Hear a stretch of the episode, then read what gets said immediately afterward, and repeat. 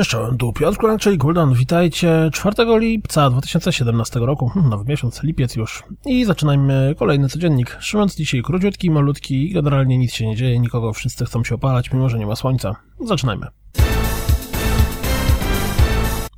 Ze zwiastuna dowiedzieliśmy się, że Little Witch Academia Chapter of Time dołączy, czy też raczej pojawi się u nas, czyli też również w Europie, na początku 2018 roku na PlayStation 4 i na PC. Zwiastunem zaprezentowano Ancient Cities, czyli City Builder czasów kamienia upanego. Brzmi ciekawie. Rocket Fury, chyba Rocket, 20 lipca dołączy do Early Accessu, ale już dziś zachęca do zagrania w betę.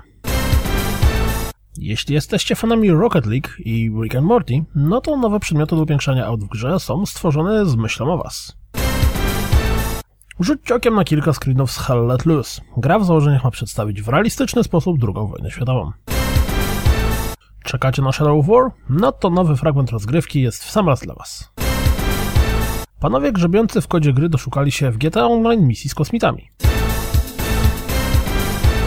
To wszystko na dziś. Mówiłem, że będzie niewiele. Mam nadzieję, że słyszymy się jutro. Zapraszam naturalnie jak zawsze na www.rozgrywkapodcast.pl Jeszcze bardziej zapraszam jak zawsze do wspierania na Patronite i mam nadzieję... A, to już mówiłem. No to miłego dnia. Trzymajcie się. Cześć.